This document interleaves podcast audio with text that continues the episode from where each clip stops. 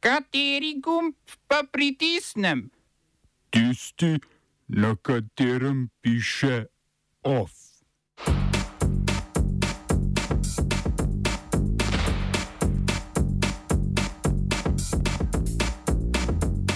Volt in Glovo zavrnila pogajanja o kolektivni pogodbi.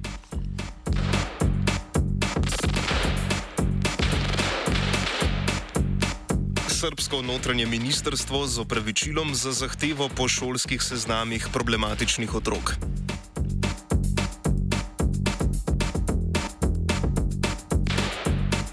Evropsko sodišče je razveljavilo nemško državno pomoč Lufthansa.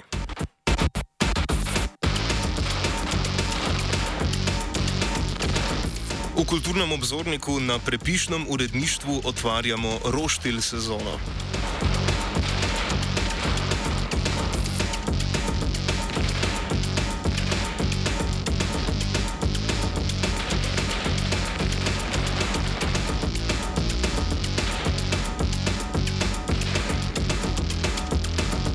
Dobr dan. Sodišče Evropske unije je razveljavilo odločitev Evropske komisije, da odobri 6 milijardno nemško državno pomoč letalskemu prevozniku Lufthansa med pandemijo COVID-19.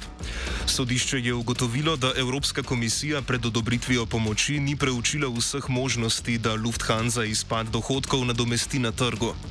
Poleg tega komisija ni upoštevala tržne prevlade Lufthansa na Düsseldorfskem in Dunajskem letališču, ampak samo na Münchenskem in Frankfurtskem. Odločitev Evropske komisije sta na Evropskem sodišču izpodbijala letalska prevoznika Ryanair in Condor, ki sta trdila, da je državna pomoč Lufthansa nepravična. Nemška država je s šestimi milijardami evrov prevzela 20-odstotni lastniški delež v Lufthansa, družba pa je že pred odločitvijo sodišča sporočila, da je delnice od države odkupila nazaj. Lani je Lufthansa ponovno začela ustvarjati dobiček.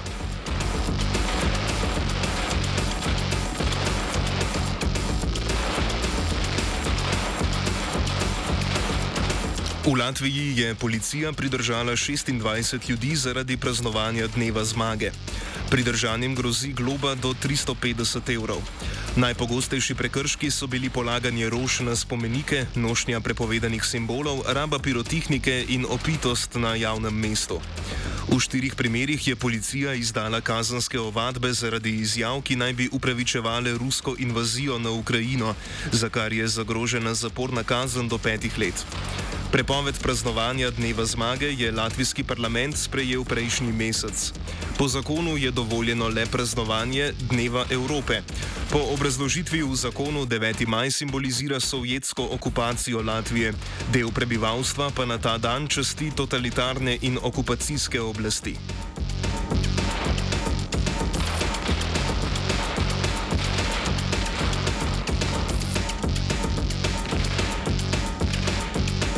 Ameriški investicijski sklad BlackRock je v sodelovanju z ukrajinsko vlado ustanovil Ukrajinski razvojni sklad. Namen sklada bo privabljanje in usmerjanje zasebnih investicij v Ukrajini po koncu vojne. Gre za investicije v kmetijstvo, proizvodne dejavnosti, informacijsko tehnologijo in infrastrukturo. Po marčevski oceni Svetovne banke bo Ukrajina v naslednjih desetih letih potrebovala več kot 400 milijard evrov za obnovo. Za privabljanje tujih investicij je predsednik Volodimir Zelenski že lani napovedal liberalizacijo gospodarstva.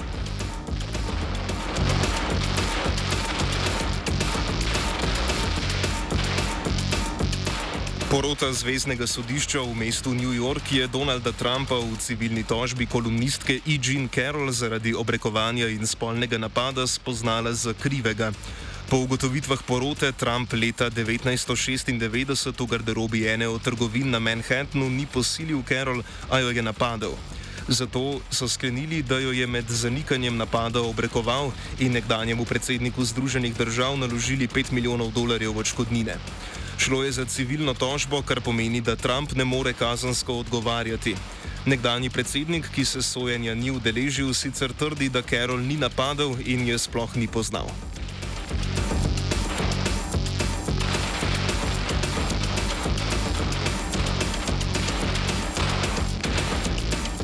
Srbsko notranje ministrstvo se je opravičilo za dopis poslan šolam v Užicah, ki ga je včeraj objavil neodvisnih sindikat izobraževalnih delavcev. Z dopisom je policija od šol zahtevala sezname problematičnih in asocialnih otrok. V sindikatu so dopis označili za primernega policijski družbi, ne pa demokratični. Spomnili so, da je ministrstvo predtem mesece zavračalo, da bi omogočili šolam suspenz motečih učencev.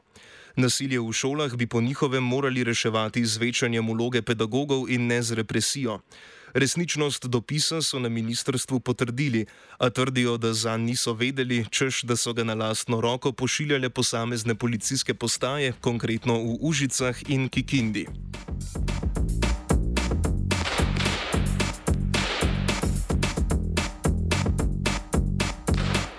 Srpske oblasti so v odziv na množična streljanja med drugim napovedale povečano prisotnost policije na šolah in preganjanje vsake grožnje z nasiljem na družbenih omrežjih.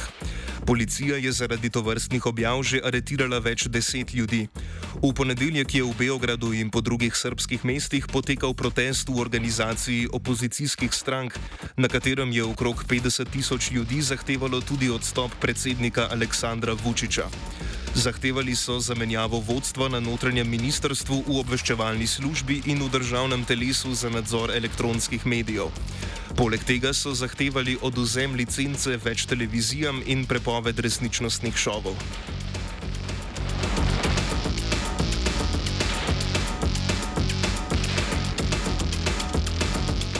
Protestirajo tudi po Pakistanu. Protesti v treh od štirih provinc se dogajajo potem, ko je paramilica pakistanski rangeri včeraj aretirala nekdanjega pakistanskega premijeja Imrana Kana. V mestih Karači in Lahore je policija protestnike razgnala z uporabo vodnega topa in solzivca, v prestolnici Islamabad in nekaterih drugih mestih pa so protestniki blokirali ceste. V mestu Lahore so kanovi podporniki vdrli v rezidenco poveljnika tamkajšnje vojske. V provincah Panjab, Baločistan in Hajber Puhtunva so oblasti zahtevale vojaško prisotnost na ulicah za ohranitev javnega reda in miru. Kanova stranka je sporočila, da so aretacijo Kana pričakovali in takoj po njej objavili posnetek, v katerem Kan podpornike poziva k protestom. Milica je sicer Kana aretirala pred zaslišanjem na vojaškem sodišču v Islamabadu zaradi obtožb po zlorabi položaja v času njegovega mandata. Aretacijo je milica že večkrat poskušala izvesti v Lahoreju, kjer ima Kan svojo rezidenco, a so ji to preprečili protestniki. Smo se osamosvojili, nismo se pa osvobodili. Naslednje število je še 500 projektov izpiljene modele, kako so se strani nekdanje LDS rotirali. Ko to dvoje zmešamo v pravilno zmes, dobimo zgodbo o uspehu. Takemu političnemu razvoju se reče udar. Jaz to vem, da je nezakonito, ampak kaj nam pa ostane? Brutalni obračun s politično korupcijo. To je Slovenija, tukaj je naša zemlja, to je Slovenija, Slovenija, Slovenija. Podjetje Volt je zavrnilo poziv sindikata dostavljavcev na pogajanja o kolektivni pogodbi. Kot razlog za zavrnitev pri Voltu navajajo, da ni pravne podlage za kolektivna pogajanja z dostavljavci, ki so uradno samo zaposleni partnerji podjetja. Iz sindikata Mladi Plus so sporočili, da so podoben dogovor prejeli tudi od podjetja Globo.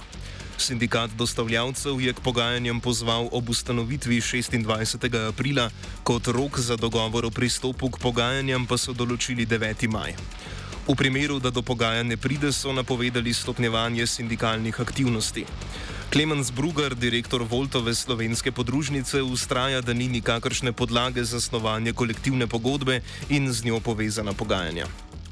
Eh, so tudi omenili, kje je ta pravna podlaga, ker dejansko je ni, um, tako da to, to so dejstva. Uh, Zakon predvideva uh, kolektivno pogajanje uh, sa, sa, sa poslene, ne pa sa samostojne podjetnike. In uh, mi delamo v Sloveniji s samostojnimi podjetniki in iz tega vidika tu ni pravne podlage in a, trenutno kolektivno pogajanje ni možno. E, tukaj ne smemo posabiti, da smo, in to smo tudi v našem uh, odgovoru uh, navedli, da smo v preteklosti in tudi trenutno smo uh, stalno tudi v stiku s uh, posamezniki, uh, dostavljavci, kot tudi skupinami dostavljavcev. Naprimer, smo uvedli nov plačilni model letos, uh, februarja smo se parkrat dobili s skupinami dostavnih partnerjev in smo jih tudi prosili za povratne informacije.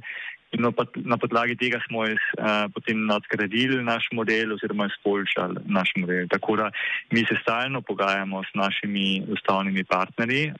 Tudi smo sindikatu jasno odgovorili, da seveda si želimo tudi dialog s njimi. Um, smo začeli ta dialog uh, meseca marca. In z naše strani je seveda tudi želje, da se nadaljuje s tem dialogom. Mojca Žerak iz sindikata Mladi Plus odgovarja, da pravna podlaga obstaja. Uh, ja, zdaj za začetek ta najbolj osnovna in tudi uh, glavna pravna podlaga, iz katere se lahko to izhaja, je tudi uh, Ustava Republike Slovenije, uh, ki v 76. členu, v katerem opredeljuje sindikalno svobodo, uh, pravi, da je ustanavljanje in delovanje sindikatov ter članjevanje vanje svobodno. Um, tako da v bistvu že sama ustava v Sloveniji vse, ki delajo, varuje um, pred uh, tem oziroma jim omogoča sindikalno organiziranje in jih torej varuje pred tem, da jim nihče ne sme onemogočati svobodnega organiziranja v sindikate.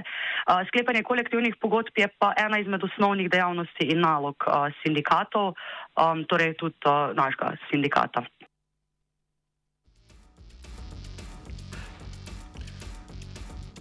Parlamentarni odbor za delo je zavrnil predlog novele zakona o štipendiranju, ki ga je vložila Slovenska demokratska stranka.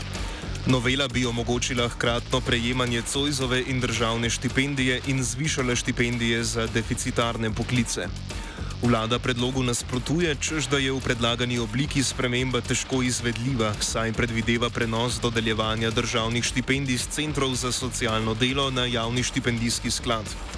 To je po mnenju vlade preveč dolgotrajen postopek, da bi se lahko sprememba uveljavila z začetkom naslednjega šolskega in študijskega leta, kot predvideva predlog.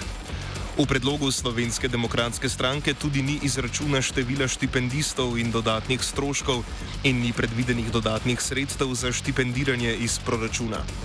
Vladna koalicija je pred sejo odbora v parlamentarno obravnavo uložila svoj predlog spremembe zakona, ki bi odpravila nezdružljivost Cojzove in državne štipendije, štipendij za deficitarne poklice pa ne bi povišala.